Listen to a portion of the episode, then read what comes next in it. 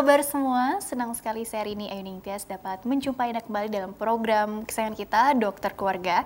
Siarkan dari Studio L Senta TV dan 95,7 FM Fit Radio Semarang. Seperti biasa, selama satu jam ke depan kami akan menyajikan informasi seputar kesehatan Anda dengan tema kali ini seputar ibu hamil yaitu mengenai bahayakah plasenta previa bagi janin.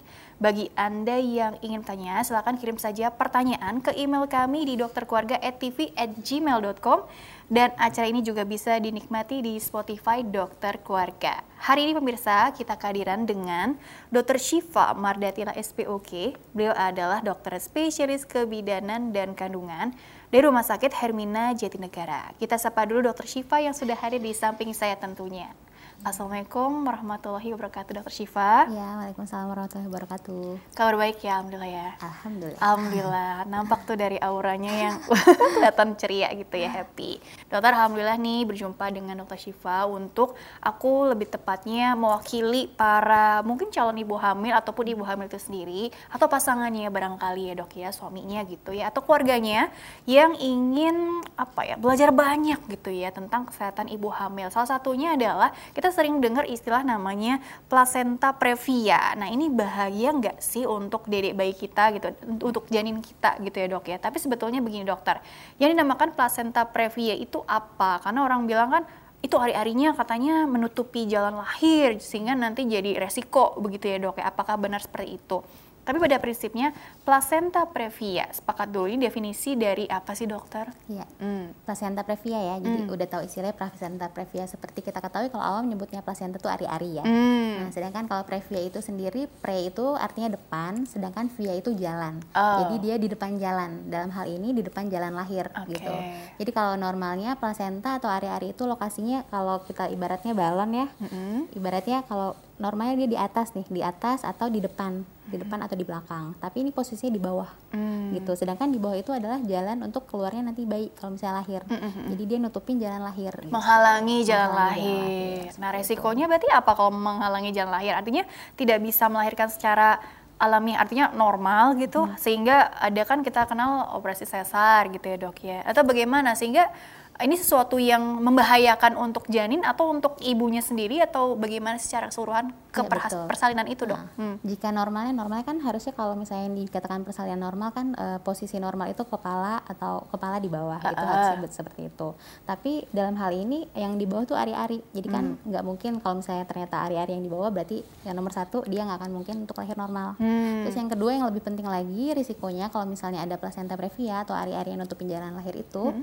uh, nanti uh, risikonya tentu adalah perdarahan hmm. karena kita tahu kalau plasenta itu kan dia ari-ari itu yang ngubungin antara ibu sama janin hmm. gitu nanti uh, darahnya itu yang nanti uh, ngasih nutrisi ngasih oksigen sedangkan di situ uh, dia posisinya nutupin jalan lahir gitu jadi kalau ada masalah regangan atau biasanya nanti pas trimester ketiga tuh pas uh -huh. lagi apa uh, segmen bawah rahimnya itu mulai tipis mm -hmm. gitu atau kalau ada peristiwa-peristiwa yang menyebabkan ibunya ada kontraksi mm -hmm. itu itu uh, biasanya menjadi pemicu untuk uh, timbulnya perdarahan. Oh. Nah, perdarahan itulah yang membahayakan ibunya maupun janinnya. Jadi resiko perdarahannya ini hmm. begitu ya dok ya. Sebenarnya kan kalau bumil kan sering flek atau hmm. perdarahan itu sebenarnya harusnya nggak boleh ada itu ya dok ya. Iya, kita lihat dulu nih usia hmm. kehamilannya berapa. Oh iya Jadi iya. dia iya. trimester pertama, kedua apa ketiga. Hmm. Yang kita bilang placenta previa itu kita udah bisa bilang kalau dia udah di atas 20 minggu. Berarti gitu. di trimester ya uh, dua dan tiga ya, hmm. ya gitu. Jadi uh, normalnya sendiri kan placenta terbentuk nih di awal kehamilan mm -hmm. dan dia akan terbentuk sempurna itu nanti pas 16 minggu. Mm. Nah, biasanya uh, untuk USG sendiri kan ada screening-screening ya, trimester yeah. 1, trimester 2 dan trimester 3. Mm -hmm. Nah, untuk uh, screening idealnya nanti pas antara 18 sampai 20 minggu mm -hmm. atau 18 sampai 22 minggu mm -hmm. itu di screening tuh. Salah satunya yang di screening adalah plasentanya lokasinya di mana. Oh, makanya USG-nya gitu. tuh harus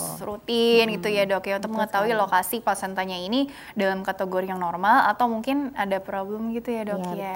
Di trimester kedua ataupun ketiga biasa ditemukan yeah. kondisi yang dinamakan placenta previa. Paling cepat kita ketemunya pas trimester kedua dari mm. 18 sampai 20 minggu tapi mm -hmm. yang perlu diingat kalau Apa misalnya dong? nanti ternyata nih pas kita hamil terus uh -huh. uh, ditemukan pas uh, pas trimester kedua itu kita cek ternyata ari-arinya lokasinya di bawah tuh uh -huh. itu belum tentu nanti pas uh, hamil trimester ketiga dia akan tetap menjadi placenta previa oh masih bisa ada kemungkinan uh, berubah gitu dok betul karena uh. kan rahim makin lama makin membesar ya hmm. jadi uh, karena rahimnya membesar jadi dia bisa aja menggeser akan menjauhi dari jalan lahir itu sendiri. Ini kan tadi yang ditakutkan itu kalau ada resiko perdarahan tadi ya dok ya hmm, mengancam gitu kan ya. Hmm. Tapi kalau tadi kan dokter bilang uh, dilihat dulu nih tapi tadi bisa balik normal lagi gitu kan hmm. ya. Nah itu faktor apa tuh dok? Karena kan tiap ibu hamil kan beda-beda ya dok ya. Yeah. Artinya apa tuh pengaruh apa sih? Ya, kalau hmm. sebenarnya kalau untuk tahu pastinya nih dari awal hmm. kita memprediksi pastinya dia akan jadi di bawah apa di atas itu nggak ada untuk pastinya ya. Oh. Tapi ada yang namanya faktor risiko. Hmm. Faktor risiko kapan sih uh, kemungkinan besar bisa nih uh, nanti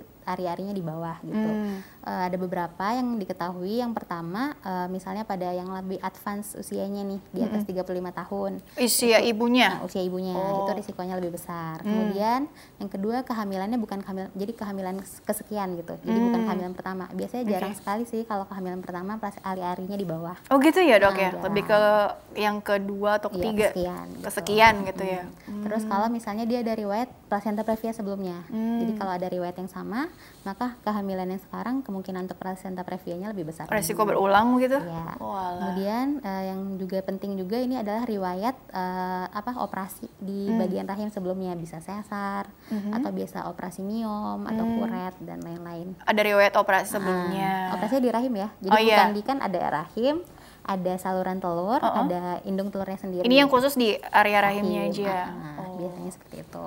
Itu faktor ibunya tuh dari yeah. segi usia, riwayat hmm. ini kehamilan yang keberapa, yeah, iya, uh, tindakan sebelumnya di area rahim itu sendiri ada atau enggak, yeah. begitu ya dok ya? Atau mungkin kalau untuk faktor bayinya misalnya oh hamil kembar atau hamil lebih ke faktor ibunya sih faktor ibunya gitu ya dok ya. ya tapi menarik ya dok ya. Ternyata uh, ada juga bisa khusus. Apa dok? Kalau kembar atau gemeli juga bisa, bisa juga ya dok ya. Tapi lebih banyak karena faktor ibunya. ibunya gitu ya dok ibunya ya. merokok juga bisa jadi salah satu lifestyle faktor. juga pengaruh juga gitu ya. Terus dokter kan ini kan tadi kan kalau bicara bahayanya untuk janin tadi resiko perdarahan terus nanti hmm. artinya uh, menutupi jalan lahir gitu kan hmm. terus kemudian juga sebenarnya bagaimana apa apa mungkin juga bisa tadi kontraksi dini terus hmm. sehingga lahirnya maaf prematur atau hmm. mungkin ya belum belum waktunya sehingga nanti jadi makin kompleks gitu dok jadi apa yang kita perlu bayangkan juga supaya kita jadi jauh lebih aware gitu ya, dokter betul sekali ya mbak hmm. Rini jadi uh, sudah benar itu yang Mbak Rini pikirkan. Jadi kalau misalnya kita punya placenta previa, mm-hmm. jadi tentu saja berisiko untuk yang tadi salah satunya adalah lahir prematur. Mm. Karena kita nggak bisa tebak nih uh, kapan nih dia lahir atau uh, dia mengalami perdarahan. Gitu Dan ya. misalnya nih dia masih prematur 32 minggu, terus dia mengalami perdarahan nih. Mm. Nah, itu kita lihat dulu biasanya kalau perdarahan pertama mungkin nggak akan langsung heboh biasanya ya hmm. mungkin uh, dan bisa pas dia saat perdarahan pertama itu kalau misalnya bisa misalnya karena kontraksi nih penyebabnya bisa kontraksinya dihentikan kemudian perdarahannya berhenti hmm. ibunya masih stabil bayinya juga masih bagus hmm. itu masih ada tempatnya untuk uh, dipertahankan dulu jadi dimatangin dulu paru-parunya oh. kemudian uh, diusahakan biar nggak berdarah lagi gitu hmm. tapi dari situ udah tahu nih wah berarti pasien ini kan berisiko nih ibunya juga udah tahu kalau hmm keadaannya bagaimana ke depannya dia akan lebih siap untuk kalau seandainya, seandainya sewaktu-waktu terjadi perdarahan lagi. Dan yang pasti harus ditekankan harus e, ibunya harus e, jangan melakukan aktivitas-aktivitas atau mm berhubungan dulu sama suaminya jangan dulu ya karena itu akan memicu kontraksi. Ya puasa dulu ya, gitu ya dok. Jadi ya. hindari hal-hal yang bisa menyebabkan kontraksi yang nanti ujung-ujungnya akan mengakibatkan perdarahan. Jadi sama aja ya mesti istirahat dulu diperbanyak hmm. uh, puasa berhubungan dengan iya, pasangan ya, dulu dengan suaminya dulu atau mungkin juga tadi jangan terlalu olahraga yang yang heboh-heboh heboh-heboh high impact ya tapi kayaknya enggak sih ya dok ya harusnya ya ibunya juga harusnya sih biasanya pasti agak ada cemasnya sih pasti ya. Kayak gitu ya dok ya. Tapi ya intinya komunikasi harus jalan terus juga oleh dokternya juga supaya ya, nanti kalau ada apa-apa langsung kasih tahu dokternya juga. Ya, Biar istilahnya dalam pemantauan terus begitu ya kan dok? Iya betul. Hmm. Jadi e, bisa dibilang ini hamilnya bukan hamil biasa, jadi hmm. berisiko ya. Jadi hmm. kan ada yang hamil yang yang nggak ada masalah relatif aman. Uh -uh. Nah itu yang pas apalagi pas masa covid ini kan iya. kita bisa dijarangin tuh kontrolnya. Hmm. Tapi kalau pada kasus placenta previa hamilnya bukan hamil yang biasa pasti berisiko ya. Jadi ibunya harus lebih sering juga untuk kontrol, kemudian hmm. untuk uh, apa menjaga gaya hidup sehari-harinya. Iya, walaupun di tengah pandemi kan tadi katanya nggak boleh terlalu sering ke rumah sakit nih, hmm. tapi kan hmm. karena kondisinya khusus, hmm. memang harus segera apa ya, sering-sering melakukan tadi ya dok ya sesuai, kontrol ya, juga sesuai, sesuai jadwal aja. juga ha, gitu ya dok ya. Dilihat. Tapi kalau untuk placenta previa ini sendiri bukannya ini dok, ada yang katanya menutup secara apa menyeluruh, tapi ada juga yang nggak semuanya juga gitu ya. Ya betul. Jadi Oh. kalau pembagian dulu sih dulu ada yang jadi ada yang letak rendah gitu. Jadi dia jaraknya sekitar 2 cm dari apa dari serviks ini. Serviks itu mulut rahim ya, leher rahim. Heeh. Itu bagian bawah dari Mulut, rahim. leher sama aja dok. Eh, sebenarnya sih lebih lebih cocoknya leher sih. Leher Nah, ya? Ada yang bilang mulut rahim, ada yang bilang leher rahim, tapi lebih cocoknya sih sebenarnya leher rahim. Leher rahim. Nah, nanti bagian itu tuh nanti kalau misalnya kita lahir normal itu yang akan menipis lalu membuka kan. Hmm. Nah, kalau misalnya eh, yang dibilang plasenta letak rendah gitu, itu Hmm. jadi kalau misalnya ujung tepi plasentanya itu jaraknya dalam sekitar 2 cm Mm-mm. dari serviks itu sendiri. Hmm. Sedangkan yang dibilang plasenta previa totalis itu kalau menutupi semuanya. Hmm. Jadi serviks itu sekitar 3 cm ya. Jadi dia menutupi semuanya. Tapi kalau misalnya jaraknya sekitar segini, tapi tepinya deket deket tapi dalam jarak 2 cm itu namanya plasenta letak rendah. Terus ada juga yang parsial. Kalau parsial menutupi sebagian Hmm. gitu. Ada juga yang marginal. Margin kan tepi ya, batas gitu. Jadi dia di pinggir di tepi di tepi serviks atau leher rahim itu sendiri. Cara taunya itu kita posisinya itu memang tadi menyeluruh sebagian itu Tentunya apakah dari, pemeriksaan. kita kalau dari cenayang dari jauh sih nggak bisa. Kita harus periksa pakai alat. oh apa mungkin dari ininya dok maaf ciri-ciri perdarahannya gitu. Eh, iya kalau heboh, lebih heboh tentu akan lebih heboh yang placenta previa totalis ya. Tapi untuk eh, apa definitifnya untuk akurasinya kita USG biasa dari bawah dari transvaginal. Hmm. gitu. Jadi pas pemeriksaan kan dari atas kan biasanya untuk lebih definitif lagi kita tahu eh, lokasi plasenta gimana, jarak tepinya berapa senti atau menutupi semua itu lebih akurat USG dari bawah transvaginal. Jadi paling nggak itu pada saat USG di trimester kedua tadi ya Nah, dok atau ya cari tahu nih posisi ari-arinya tadi ya si Iya. plasentanya ini tuh menutupi jalan lahir atau enggak? Dan tadi kan bisa ada kemungkinan untuk artinya secara alami berubah gitu Hmm, ya. Betul sekali. itu dengan apa? Ada ada stimulusnya sendiri gitu dokter? Stimulus. Misalnya kan ada yang oh dengan posisi ini katanya bisa memperbaiki posisi kalau jalannya plasenta ke mana sih kita nggak bisa ngatur ya, Nah, tapi kita yang bisa adalah mendeteksi. mendeteksi ya dengan tentunya pemeriksaan penunjang di rumah Iya, sakit ya betul dok ya. USG ya paling nggak ya dok Iya, ya USG. USG-nya eh, lebih akurat lagi yang tadi saya bilang transvaginal, jadi dari Hmm. vagina. Gitu dan selain untuk melihat lokasi plasentanya nanti juga bisa dilihat tuh panjang serviksnya seberapa. Oh. Karena semakin pendek serviks atau mulut rahimnya itu, nanti risiko dia prematur lebih besar.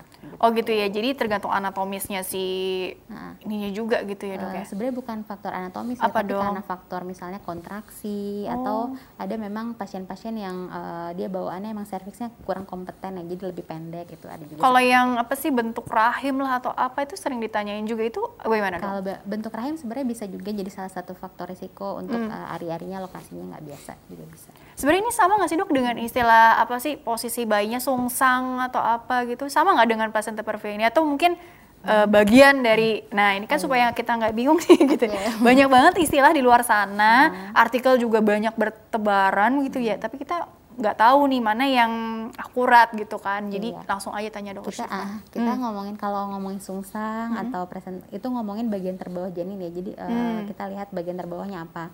Nah, eh, plasenta sama bayi itu kan berbeda ya. Jadi dalam hal ini yang terbawah adalah plasenta. Kalau tapi kalau misalnya sungsang atau kepala itu adalah presentasi. Jadi bagian terbawah dari janin. Mm-mm. gitu itu eh, kalau plasenta previa sendiri bisa aja menyebabkan eh, apa bagi apa harusnya kan kepalan yang di bawah bisa aja menyebabkan nggak seperti itu. Jadi karena- melintang lah Ah, apalah bisa istilahnya jadi menyebabkan kan. lintang bisa Hmm. jadi menyebabkan yang di bawah bukan kepala. Jadi sungsang bisa menyebabkan seperti itu. Jadi bisa mempengaruhi. Jadi kok ini ya, aduh kalau mau pelajarin itu emang bener jangan setengah-setengah gitu ya, harus dilihat secara bijak juga menyeluruh. Dan sumbernya ini pastikan dulu akurat atau enggak gitu Betul ya dok sekali. ya. karena sekarang banyak banget info bertebaran di mana-mana jadi kita pinter-pinter untuk lihat Iya, tapi yang menjadi perhatian karena kan tadi kan bahayanya ini kan resiko kelahiran prematur nih. Jadi kan harus benar-benar diketahui dulu nih dengan USG eh, posisinya ini bagaimana letaknya normal atau enggak dan mungkin tindakan selanjutnya juga apa gitu yang bisa dilakukan entah itu mungkin di rumah sakitnya atau di rumah yang perlu di apa ya edukasikan juga begitu ya dok ya.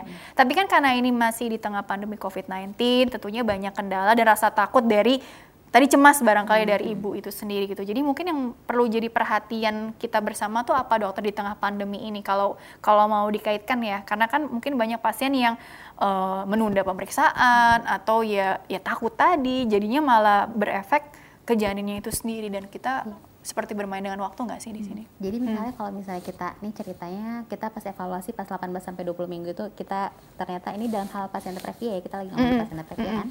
Jadi dia eh, ternyata kita ketemu area-area yang mencurigakan nih di bawah. Nah, nanti kita i- evaluasi ibunya selain untuk diedukasi untuk eh, jangan berhubungan dulu dan lain-lain. Selama Itu berapa lama sih maksudnya dok? sementara selama nggak ada keluhan ya. Selama nggak ada kan keluhan. dievaluasi nanti minimal kalau karena keadaan seperti ini nanti pas 32 minggu dilihat lagi. Hmm. Pas 32 di- minggu dilihat sebagian biasanya sih 9 dari 10 akan menjadi normal. Keluhan dalam artian eh, maaf eh, flek atau Iya, perdarahan pasca Bisa bisa pas berhub- berhubungan Hmm. atau eh, keluar aja gitu darah. Ya Allah. Biasanya kalau placenta previa itu darahnya biasa seger. Mm-mm. Waduh. Kemudian nggak ada nyeri sih. Jadi Oh, ada nggak ada nyeri? Heeh. jadi kan sebenarnya kalau perdarahan dalam kehamilan atau perdarahan antepartum istilahnya Mm-mm. itu yang bukan keguguran ya. Kalau keguguran kita ngomongnya sebelum 20 minggu. Mm-mm. Kalau setelah 20 minggu kita bilangnya perdarahan antepartum gitu. Oke. Itu penyebabnya nggak cuma placenta previa aja Hmm. gitu. Tapi salah satunya yang paling sering itu placenta previa. Bisa aja resiko kemungkinan yang lain gitu maksudnya kan? Bisa. ah-ah. Tapi- Nah, kalau placenta previa ini kita curiganya gimana? Kalau eh, pada kehamilan yang di atas 20 minggu itu misalnya terjadi perdarahan yang seger. Hmm. Seger terus nggak ada nyeri. gitu. Nggak ada nyeri, Nggak ada seger, nyeri, seger. volume Volumenya sih eh, tergantung ya. Pas Hmm. perdarahan awal biasanya mungkin nggak banyak. Hmm. Tapi kalau udah perdarahan berikutnya itu bisa langsung heboh gitu. Jadi harus lebih hati-hati. Dan Oke. kondisi seperti itu yang kita harus benar-benar waspada jangan jangan sampai ibunya shock, harus segera Mm-mm. ditangani, harus segera Hmm. shock dalam IGD. artian apa nih maksudnya? Shock itu eh, kehilangan darah yang banyak Mm-mm. yang menyebabkan eh, tanda vitalnya, apa Mm-mm. tensinya, apa nadinya meningkat, Mm-mm. kemudian tensinya menurun. Nanti kan kalau ibunya shock pasokan kan darah yang membawa Iya. semuanya ke, ke bagian tubuh ya untuk memberikan nutrisi dan lain-lain itu nanti ke janinnya juga bisa berefek. Oh misalnya ada penurunan kesadaran Iya. atau apa? Eh itu mah fatal Itu kalau udah ini ya. Ngeri ngeri. jangan sampai seperti itu makanya begitu kita tahu ibu ini punya risiko harus langsung diedukasi jangan sampai eh, terlambat gitu. Jadi Walaupun harus usianya di bawah 35 dok gitu.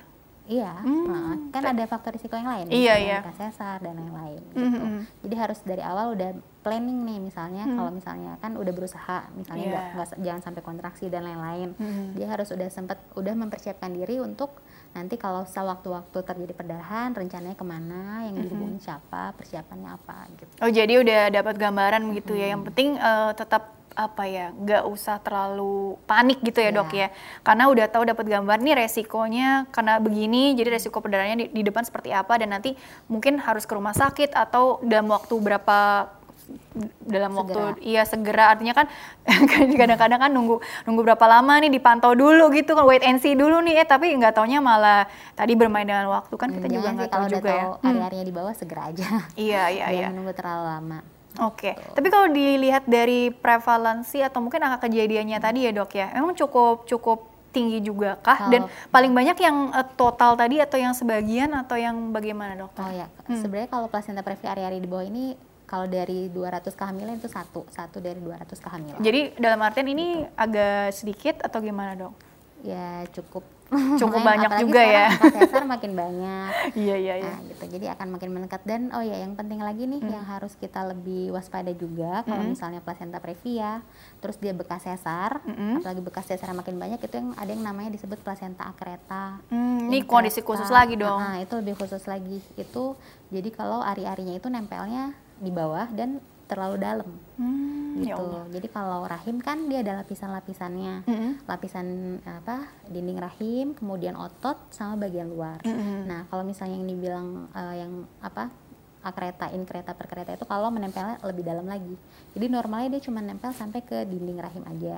Tapi kalau dia masuk lebih dalam lagi ke apa ke otot rahim dan Mhm. seterusnya bisa sampai juga ke organ-organ sekitarnya itu bahaya banget karena Oh berarti nggak cuma lokal tuh. Iya, Waduh. karena perdarahannya akan semakin hebat. Ya gitu. Allah, Dan- mengancam organ-organ yang lain, ya mengancam nyawa ya ya, dok ya. risikonya ya perdarahannya akan lebih hebat eh, nanti kalau eh, lahir apa pas kita sesar perdarahan bisa lebih banyak dan bisa sampai harus angkat rahim bisa Ya Allah, Allah Akbar. Ya makanya kalau misalnya kita harus lebih aware kalau kita punya risiko eh, jadi harus rajin kontrolnya jangan sampai malas-malas kontrol Iya itu dia Iya, apalagi di tengah pandemi ini jangan apa ya, coba ya dihilangkan rasa takutnya atau apa. Karena tadi kan kontrol itu penting sekali ya dok ya untuk menjaga kita dari hal-hal yang tidak kita inginkan begitu ya dok sekali. ya. Jadi lebih baik tahu kita persiapkan dengan baik nanti hasilnya insya Allah akan baik. gitu. Betul sekali. dokter kita jeda dulu sebentar. Nanti dilanjutkan di segmen selanjutnya ya dokter Syifa ya. Oke, baiklah pemirsa jangan ke mana-mana, tetaplah bersama kami. Kami akan kembali sesaat lagi.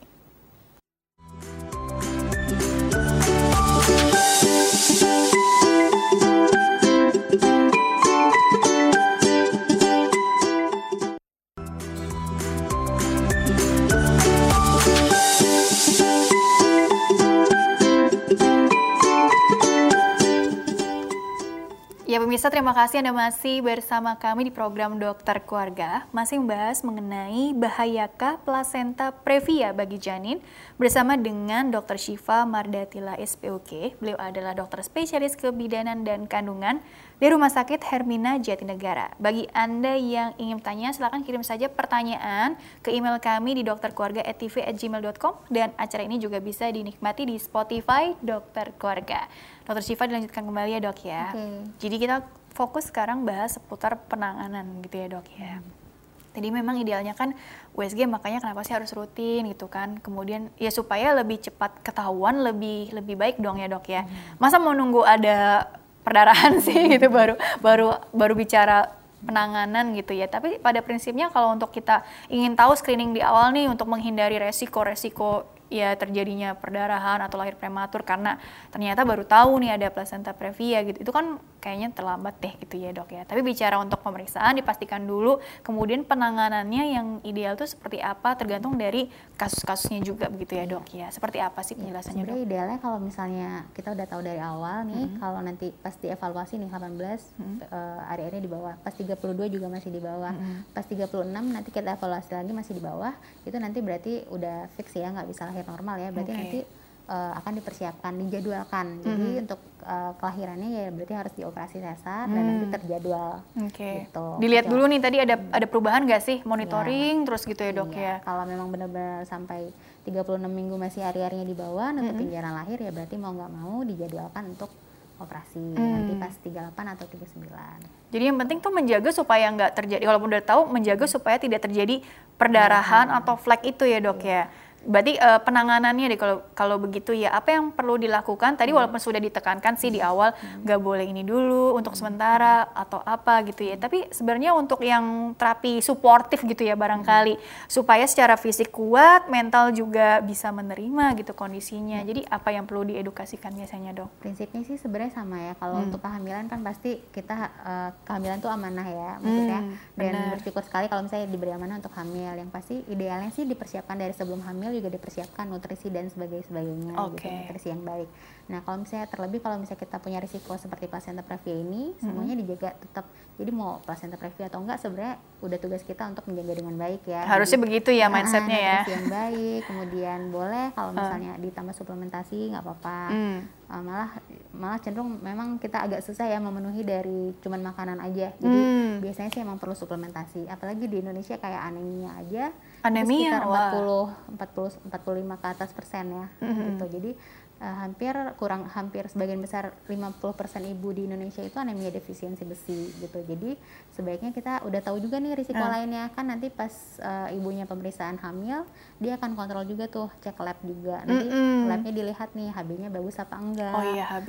kemudian ya yang lain-lain ada infeksi apa enggak karena Hmm. infeksi itu sendiri juga bisa menyebabkan kontraksi Infeksi apa pun ya dok ya. Hmm. eh, paling sering tuh infeksi saluran kencing Ya Allah, iya sekarang kan umum ya dok ya. Hmm. ah, sama gigi gigi juga jangan lupa itu juga bisa memicu pem- pemicu kontraksi dan Waduh. kontraksi itu nanti juga bisa menyebabkan perdarahan Iya, jadi apa yang memicu kontraksi jadi memicu perdarahan gitu Iya, ya dok ya. betul. Eh tadi kan sebenarnya nggak kepikiran ya dok, kalau "Ih, ini kan masalah gigi makanya perawatan gigi dulu sebelum hamil kan makanya Iya. sering dengar seperti itu juga gitu ya dok ya. Terus juga suplementasi karena kalau mengandalkan yang secara alami kita intake sehari-hari itu takutnya nggak cukup gitu ya dok ya. Iya.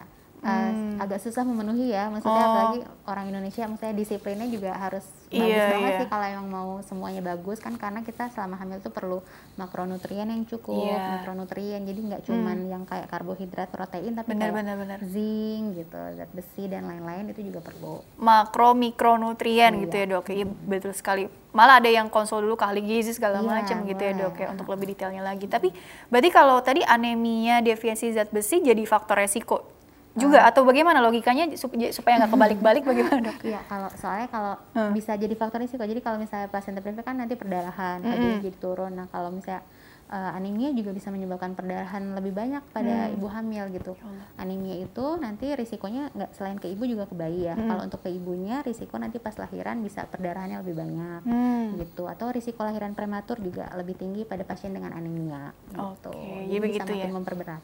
Makanya tadi pemeriksaannya sih paling nggak pemeriksaan darah kan pasti dicek HB-nya, terus juga nanti dilihat tadi ini ada kemungkinan anemia defisiensi zat besi atau enggak. ferritin itu biasanya. Oh iya, terus jadi nanti juga pasti diresepkan dong oleh dokternya ini suplementasinya seperti ini, ini, ini yang diperlukan gitu ya dok ya. Terus kalau yang tadi yang perlu dilakukan lagi, perlu ditekankan lagi nih dok, itu kan yang biasanya dokter edukasikan eh, tadi misalnya olahraga yang sebaiknya dihindari dulu gitu ya, atau mungkin perlu tetap perlu gerak atau gimana? Karena kan terlalu sering istirahat juga jadi pasif ya enggak sih. re- resiko juga nggak gitu ya. Iya, Jadi maksudnya seperti apa dia- dok? Hmm. Selama dia nggak ada keluhan ya nggak apa-apa. Jadi olahraga yang ringan aja kayak jalan kaki. Oke. gitu, nggak apa-apa sih selama nggak ada keluhan. Karena kan eh, ibu hamil kan badannya kan beda-beda gitu ya dok. Ah, Ada yang iya. memang kuat Iya. atau yang double dalam tanda kutip gitu kan. Sering dengar juga ya. Ada yang memang eh, terlampau cemas atau Iya, terlampau ringkih ada juga gitu ya dok ya. Jadi selagi itu nggak ada keluhan, yang Iya. penting dijaga kesehatannya supaya tidak terjadi flek gitu ya dok ya atau Iya, perdarahan. atau gejala awalnya mungkin flek ya gitu. Pokoknya jangan sampai ngerasa nih Soalnya nggak ada nyeri kan? Nah, kontraksi sih mungkin Kontraksi. bisa kerasa nih. Oh, Nah, Jadi oke. jangan sampai kerasa yang nyebabin kontraksi rasa yang nggak nyaman lah. gitu. Mm-mm. Kalau memang seperti itu kan tadi dokter bilang kan jangan ditunda-tunda untuk eh, dibawa ke rumah sakit gitu ya dok ya. Kalau, ah, kalau Hmm. rasanya udah makin makin sering nih Hmm. kontraksinya atau keluar darah ya segera ke rumah sakit aja kalau udah keluar darah. Biasanya kalau begitu apa dok? Apakah dikasih obat eh, tertentu Nah, begitu? Tergantung usia kehamilannya nih. Mm-mm. Kalau misalnya yang pasti eh, mulusnya kita hilangin. Oke. Mulusnya dihilangin. Kalau misalnya dia masih prematur, eh, bisa di bawah 34 minggu Mm-mm. itu eh, kalau bisa nih eh, ada waktu untuk matengin dulu paru-parunya. Oke. Gitu. Tapi kecuali kalau misalnya perdarahannya sangat hebat dan mengancam nyawa atau Hmm. bayinya udah gawat janin ya berarti Allah. harus dilahirkan segera. Eh, biasanya tanda-tanda kondisi kegawatan tadi apakah yang dokter katakan sebelumnya yang misalnya di- kita lihat ciri-ciri ibunya ada tanda-tanda shock atau enggak sehingga perlu pertimbangan nih oh ya ini sepertinya udah nggak bisa apa ya istilahnya ya akan rencanakan aja gitu kapan lahir sesarnya kalau begitu karena kan istilahnya kalau makin ditunda mengancam nggak sih gitu. Hmm. Betul, jadi eh, begitu pasiennya datang kita langsung lihat klinisnya ibunya gimana. Jadi ta- eh, penampakan eh, dari pemeriksaan fisik, eh, ibunya tanda vitalnya bagaimana, terus kita langsung ganti cairan kan, Oke. karena keluar perdarahan kan, teratasi atau tidak, Uh-uh. kemudian perdarahannya berhenti apa tidak. Tapi kalau perdarahannya terus menerus aktif banyak, ya berarti mungkin harus dilahirkan segera seperti itu. Berarti kita udah memberikan terapi nggak teratasi nih dengan terapi yang kita berikan gitu berarti harus dilahirkan lebih cepat Dia harus dan tentunya cepat. harus backup NICU ya atau Hmm. perinatologi kalau misalnya eh, bayinya prematur. Ya makanya juga eh, tim yang terlibat juga kan artinya nggak hanya objinnya, sekali lagi kan pasti ada dokter anak, dokter macam-macam ya dok ya dalam satu tim itu gitu ya dok ya. Kurang lebih memang harus cepat tanggap ya dok ya istilahnya ketika ada perdarahan jangan ditunda-tunda langsung dibawa ke rumah sakit Iya, terdekat pastinya. gitu ya dok ya. Karena kan khawatirnya kan ada yang eh, nanti dulu nunggu anggota keluarganya lengkap baru ke rumah sakit atau nunggu yang nganter dulu gitu. Jadi sebenarnya ada ini nggak dok eh, kalau kita bicara misalnya penya- penyakit tertentu gitu kan ada golden periodnya nih. Nah ini sama juga nggak sih semakin kita ditunda dalam waktu berapa jam lewat eh, bahayanya Kalau kita Bagaimana, Dok? netapin jam-jamnya nggak bisa sama ya, karena Hmm. kasus per kasus beda ya, Iya, tergantung iya, iya. seberapa besar darah yang keluar dan sebagainya. Tapi ya segera aja gitu. Iya segera aja gitu ya. Baru nanti penanganan langsung di rumah sakit ya kita lihat nanti gimana follow up-nya hasil dari pemeriksaan itu dan penanganannya di rumah sakit gitu ya dok ya. Oke dokter sebelum kita balik ke materi lagi aku mau dokter memberikan tanggapan untuk pertanyaan dari email. Ini karena pertanyaannya juga menarik-menarik gitu ya dok ya. Oke nanti jawab dengan detail ya dok ya. Jadi bagi pemirsa yang ingin bertanya via email silahkan kirim saja pertanyaan ke email kami di dokterkeluarga@tv@gmail.com. Format lengkapnya di bawah ini. Nama us atau nama, usia Anda atau usia pasien yang ditanyakan serta tempat tinggalnya ya. Baik, ini pertanyaan pertama dari Ibu Via, usianya 35 tahun. Dari Bekasi, dokter.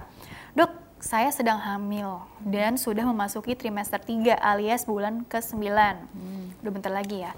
Sebelumnya waktu pemeriksaan, kemarin-kemarin alhamdulillah posisi bayi saya dinyatakan bagus oleh objin saya. Hmm. Plasenta dan ketuban semua bagus, Dok ketuban ini bisa jadi faktor yang perlu dinilai juga ya dok ya. Hmm, okay. Tinggal nunggu lahiran aja katanya. Akan tetapi pas terakhir cek ke dokter, posisi kepala bayi saya berubah nih, yaitu kepalanya di atas dok. Kamu kalau mau melahirkan kepalanya mesti di bawah ya dok ya. Iya. Ini supaya ya, supaya makin jelas gitu sungsang ya. Sungsang ya berarti ya. Hmm, apakah mungkin dok untuk saya lahir normal? Ya sungsang ya dok ya, berarti ya dok ya. Ataukah saya harus operasi sesar? Kalau saya perbanyak rutin sujud lama setiap harinya agar posisi bayinya normal kembali, apakah kemungkinan bisa sangat membantu dok? Terima kasih. Ini hamil keberapa nggak ada data ya? Uh, trimester, oh nggak dijelaskan ya, cuma hmm. bicara sedang hamil, sudah masuk trimester 3 alias bulan ke-9. Usianya 35 tahun tapi tidak dijelaskan ini kehamilan keberapa ya, gitu. Sebenarnya sih pertama kita penting tahu ini kehamilan keberapa, hmm, kemudian tepatnya usia kehamilannya berapa Oke. Okay. Gitu. Karena kalau misalnya di bawah 37 minggu uh, lebih atau lebih muda lagi itu biasanya memang kan kalau bayi masih kecil itu masih oh. mungkin untuk posisinya bukan kepala yang di bawah hmm. gitu tapi nanti semakin dia aterem atau cukup bulan 37 hmm. minggu ke atas hmm. angka untuk uh, dia sungsang itu cuma sekitar 3 sampai 4 persen hmm. dari seluruh kehamilan okay. gitu Nah ini tergantung nih usia kehamilannya tepatnya berapa minggu gitu. Tidak dijelaskan sayangnya Tidak dijelaskan ya. ya. Mungkin kalau emang di atas tiga. Nah kalau misalnya dia hamil pertama, mm -hmm. jadi kita uh, biasanya kalau hamil pertama dan sungsang hmm. itu kita sarankan lebih ke sesar sih. Oh begitu Harus ya. Sesar. Kalau pertama sungsang lebih ke sesar. Nah, karena risikonya untuk bayi sih kita utamanya ke bayi. Jadi risiko untuk uh, ada masalah pada bayinya atau risiko sampai ke kematian pada bayinya itu lebih besar kalau ya misalnya dia lahir normal kalau pada anak pertama hmm. ya anak pertama sungsang hmm. tapi kalau misalnya uh, udah hamil kesekian misalnya hamil keempat kemudian yang ini sungsang nih hmm. dia pernah lahir sebelumnya berapa tiga setengah kilo atau berapa kilo dan hmm. kira-kira hmm. panggulnya memadai ukuran hmm. bayinya juga sesuai hmm. masih bisa untuk dicoba untuk lahir normal oh, oh iya tadi termasuk ke panggulnya itu sendiri bagaimana hmm. kondisinya yeah. cukup apa lebar apa enggak yeah. gitu ya dok istilahnya dok ya? Iya, kalau misalnya okay. prosesnya uh, muncul dengan alami, mulusnya alami, kemudian prosesnya uh, jalannya persalinan itu lancar, mm. masih bisa diupayakan untuk lahir normal. Kecuali mm. kalau dia belum mulai toto ketumbannya udah pecah duluan gitu karena kalau bokong di bawah biasanya cepet tuh air ketumbannya ngalir keluar uh, aduh ya Allah begitu ya kurang hmm. lebih ya terus uh, mengenai iya ini mungkin jadi pelajaran untuk semua ya hmm. kalau oh ya ini kalau untuk bertanya juga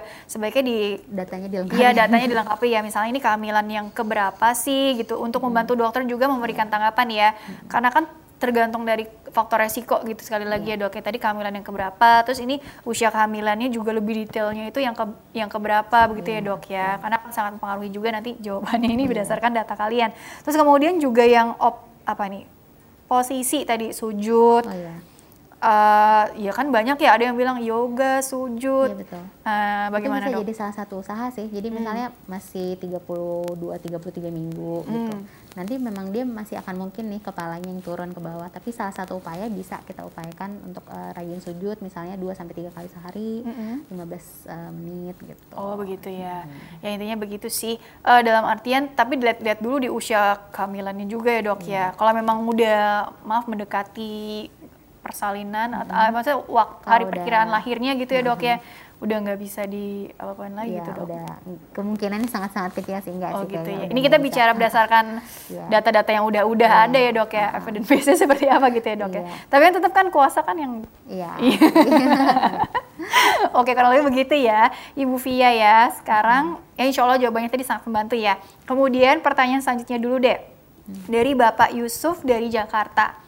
Dok, istri saya sedang hamil. Wah, ini Bapak siaga nih. Dan sempat mengalami flek. Istri saya sekarang hanya bed rest supaya nggak kontraksi dini.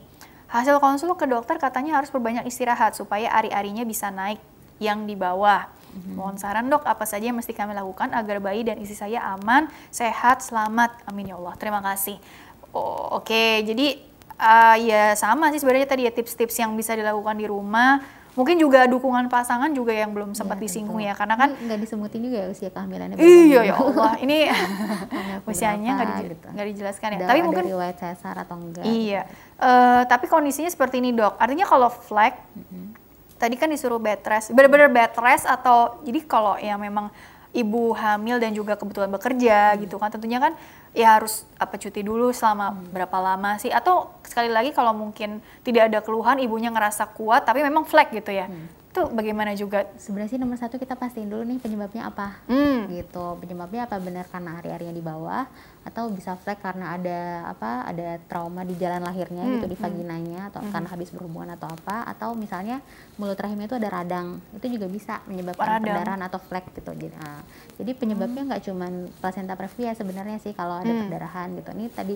jadi dijelasin dulu jangan nih hamilnya masih kecil atau Oh. enggak gitu oke. kalau misalnya kurang dari 20 minggu uh, ngeflag itu kita sebutnya keguguran atau ancaman keguguran Ya Allah. Gitu. Hmm. Tapi kalau di atas 20 minggu yang tadi yang uh, perdarahan antepartum atau sebelum waktu partum Hmm. itu salah satunya yang tadi penyebabnya placenta previa atau ada penyebab lainnya namanya solusio placenta. Jadi hari-harinya lepas gitu. Ya Allah. Atau ada lepas. penyebab yang lain. Jadi penyebabnya itu sendiri uh, secara umum ada penyebab obstetri atau penyebab karena kehamilan Hmm. atau ada juga penyebab yang non obstetri. Jadi bukan karena kehamilan yang misalnya nih di jalan lahirnya ada trauma atau digas atau ada infeksi.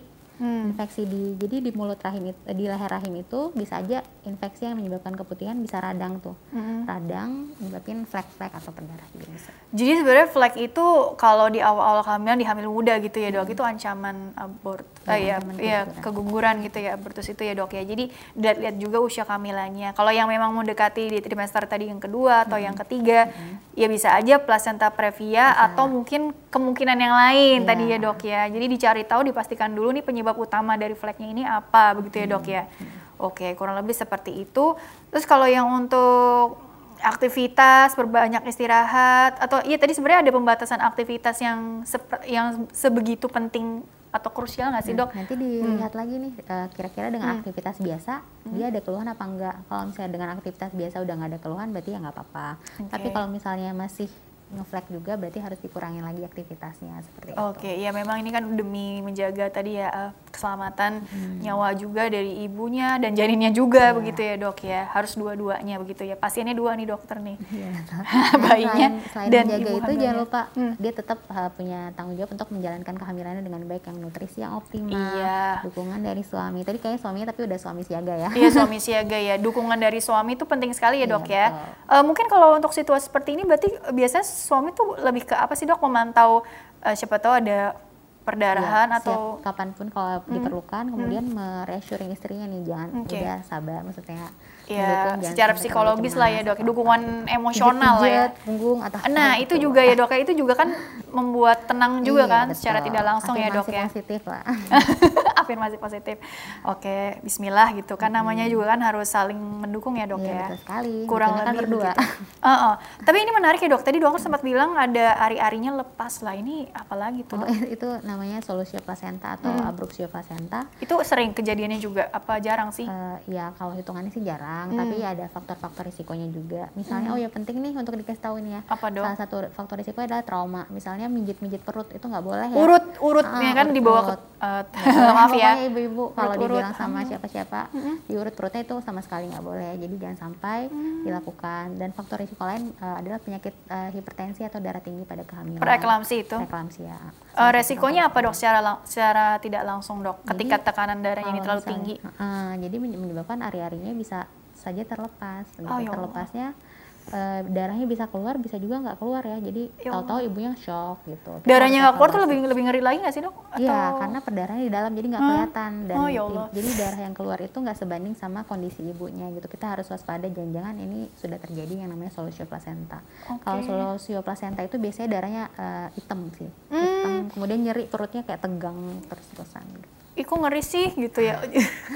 Iya. Jadi eh, bukan itu nakutin ya tapi biar, Ah. biar lebih waspada aja gitu jadi kalau yang nanti pasien-pasien yang juga punya masalah darah tinggi dalam kehamilan Ah. atau sampai ke preeklamsia itu harus lebih waspada lagi It- atau kalau misalnya dia punya riwayat hamilan sebelumnya pras- eh, preeklamsia berarti Hmm. riwayat hamil yang sekarang itu harus lebih waspada lagi karena risiko untuk dia jadi preeklamsia akan lebih tinggi Tapi biasanya lebih ke ini faktor resiko yang terberat itu berarti yang preeklamsi tadi Iya. tensi tensi tinggi atau mungkin eh, sebelumnya udah ada tensi dok, misalkan faktor turunan gitu ya. Jadi memang tensinya dia rata-rata 140 per 90 Kalau misalnya. misalnya dia dikontrol dengan baik sih mudah-mudahan komplikasi-komplikasinya nggak akan eh, terjadi ya gitu. Hmm. Jadi kalau begitu kita tahu punya penyakit eh, bawaan atau yang muncul dalam kehamilan ya itu harus segera dikontrol gitu. Oke, berarti kalau begitu nih secara umum aja ya dok, ini logika umum ya dok ya. Tadi tensi, berarti gula darah, di, ya misalnya diabetes, atau mungkin kan ada istilahnya diabetes gestasional, atau mungkin kondisi apa sih ya, misal kolesterol tinggi gitu ya, atau macam-macam gitu, itu secara nggak langsung akan mempengaruhi tadi nggak sih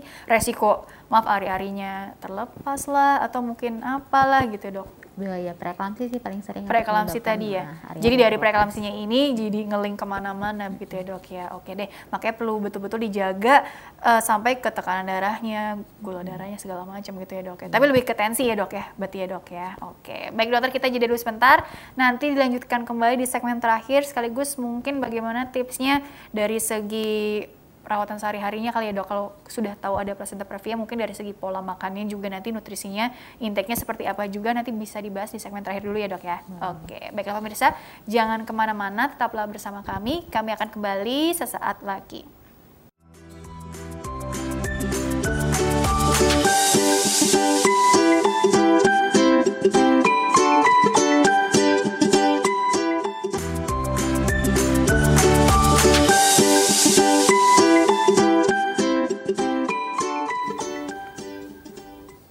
Ya pemirsa terima kasih Anda masih bersama kami di program Dokter Keluarga. Masih membahas mengenai bahayakah plasenta previa bagi janin Bersama dengan Dr. Syifa Mardatila SPUG Beliau adalah dokter spesialis kebidanan dan kandungan di Rumah Sakit Hermina Jatinegara. Dr. Syifa sang penyembuh gitu. Amin. Amin. Gitu dibantu. Ya oke dokter. Perantara gitu ya dok ya. Allah yang menyembuhkan. Ya Iya betul. baik. Dokter dilanjutkan kembali ya dok ya bahwa sebenarnya sih mungkin kalau untuk eh, sehari-hari gitu ya yang kita tahu tadi kan dijaga juga mikro dan makronutriennya begitu ya dok ya. Apalagi ketika tahu ini lagi hamil nih amanah besar gitu kan eh ternyata ada kondisi yang namanya placenta previa gitu kan. Siapa sih yang mau sebetulnya? Tapi kan ternyata dialami gitu ya dok ya. Jadi sebenarnya kalau dari segi intake gitu kan intake maksudnya makanan atau suplementasi itu seberapa membantu juga nggak sih dok pada saat diabetes untuk mencegah yang resiko perdarahan atau flek tadi atau mungkin ada tips-tips tambahan lainnya juga dokter yang perlu dijalani gitu barangkali Sebenarnya sih prinsip untuk menjalankan kehamilannya lebih kurang sama ya. Jadi kalau nutrisinya ya gizi seimbang Hmm. Oke. gitu, gizi seimbang. Kemudian eh, evaluasi nih kira-kira dia punya faktor risiko lain apa enggak. Misalnya Oke. tadi dari pemeriksaan USG-nya, Mm-hmm. laboratorium pertumbuhan janinnya usi- eh, kira-kira sesuai enggak gitu beratnya. Mm. Kan dipantau nih eh, kira-kira beratnya sesuai sama usia kehamilan enggak, naiknya Oke. pas apa enggak gitu. Oke. Nanti eh, kalau misalnya dia eh, udah tahu risikonya apa, kemudian dia bisa menjalankan nutrisinya dengan baik, ya mudah-mudahan kehamilannya aman-aman aja sama yang tadi-tadi menghindari faktor atau risiko kon- kontraksi Hmm. yang bisa menyebabkan dia perdarahan. Jadi resiko kontraksi itu da- datangnya dari mana dok? Misalkan mungkin terlalu stres, apalagi kalau yang tadi Bisa. ibu ibu hamil yang bekerja gitu ya dok. Artinya nggak fokus hanya untuk diri eh, apa ya babynya juga, tapi dia mungkin ada faktor-faktor lain yang perlu dia lakukan gitu dok. Bisa, jadi Perannya yang lain lucu, begitu. Bisa Hmm. bisa dari stres. kon- Jadi kontraksi itu bisa dari stres, bisa dari infeksi, Infeksi. bisa dari perdarahan sendiri juga bisa makin memicu kontraksi juga bisa gitu. Bahkan Atau- infeksi sesimpel ISK tadi ya dok ya. Iya. Ya, Jadi keputihan. jangan, jangan sepelekan ISK ya. Jadi Iya. kalau- Eh jangan sepelekan juga ya dok ya. Enggak, soalnya kan apa ya istilahnya itu kan katanya karena kurang minum lah Iya. atau faktor kebersihan yang Iya. seharusnya tuh harusnya udah tahu gitu Tapi harusnya. ibu hamil memang risiko untuk Lebih rentan ya? Lebih rentan sih gitu. Hmm. Jadi makanya ibu hamil biasanya kita ingetin bu minumnya minimal dua setengah kalau bisa 3 liter. Jangan males. Atau Gitu. kalau mual gimana dok? Kalau mual ya Nggak nanti nafsu gitu ya? dicocok-cocokin sih kan Hmm. makannya dikit-dikit tapi sering. Hmm. Kalau mual kan. Jadi pinter-pinternya kita aja ya, Nah, kreatif gitu ya. Karena tiap hamil beda-beda. Ada yang malah doyan ini, ada yang malah makan ini beda-beda sih. Oh, eh curhat nih dokter. Iya biasanya pasien-pasien gitu. oh iya gitu ya. Ada yang Jadi, malah makin doyan makan gitu kan. ya karena apa ya? Mungkin ada hormon hormonal juga gitu ya dok ya pengaruh Hmm, Terus hormonal sama juga. makannya kalau bisa ya jangan cuma nasi doang ya. Jadi maksudnya ya semuanya udah harus gizi seimbang sih prinsipnya karbohidratnya. Karbohidratnya jangan berlebihan juga gitu. Oh, Protein, gitu ya. protein juga penting. Oh. Kemudian ya yang lain-lain. Ya makanya menu gizi seimbang gitu ya dok ya Iya. semakin variatif, semakin bagus kandungan mikro dan makronutriennya tadi ya Iya, dok ya. betul. Tapi kalau memang ternyata kan ki- kita mau ngitung nih, oh sehari makannya ini ini ini, kadang-kadang kan terlampau pusing gitu ya dok ya. sendiri ya. Iya, apakah memang kalau udah begitu ya jangan lupa juga suplementasinya juga begitu ya dok ya nggak apa-apa. untuk melengkapi gitu ya. Kalau dari segi tadi eh, puasa, maaf berhubungan dulu begitu ya dok ya. Kemudian juga aktivitas fisik mungkin perlu diperhatikan.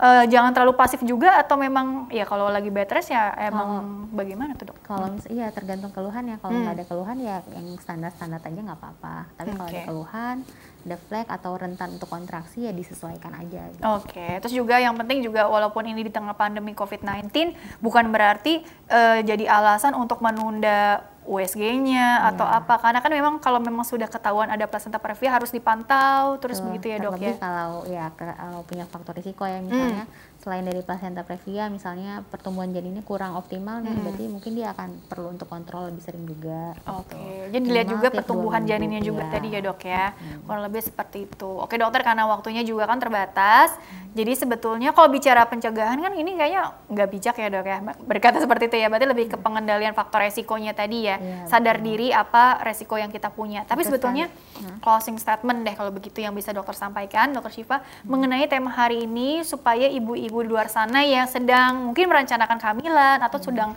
hamil sekalipun agar lebih aware terhadap eh, mungkin kondisinya, faktor resiko yang dipunya atau alarm apa pun yang diberikan tubuhnya supaya jadi apa ya lebih lebih apa ya tadi lebih lebih Lebih waspada, lebih lebih waspada begitu ya. lah. Oke, seperti apa closing statementnya singkat saja dokter Oke, silakan. Jadi sebenarnya sih yang penting jangan lupa untuk uh, screening rutin ya. Ya. Jadi kan ingat waktu-waktu yang penting untuk kontrol kapan Min- minimal nanti pas antara 11 sampai 14 minggu usia kehamilan. Kemudian dievaluasi lagi saat 18 sampai 20 minggu. Kemudian pas 30 sampai 32 minggu sama nanti pas udah cukup bulan 36 minggu.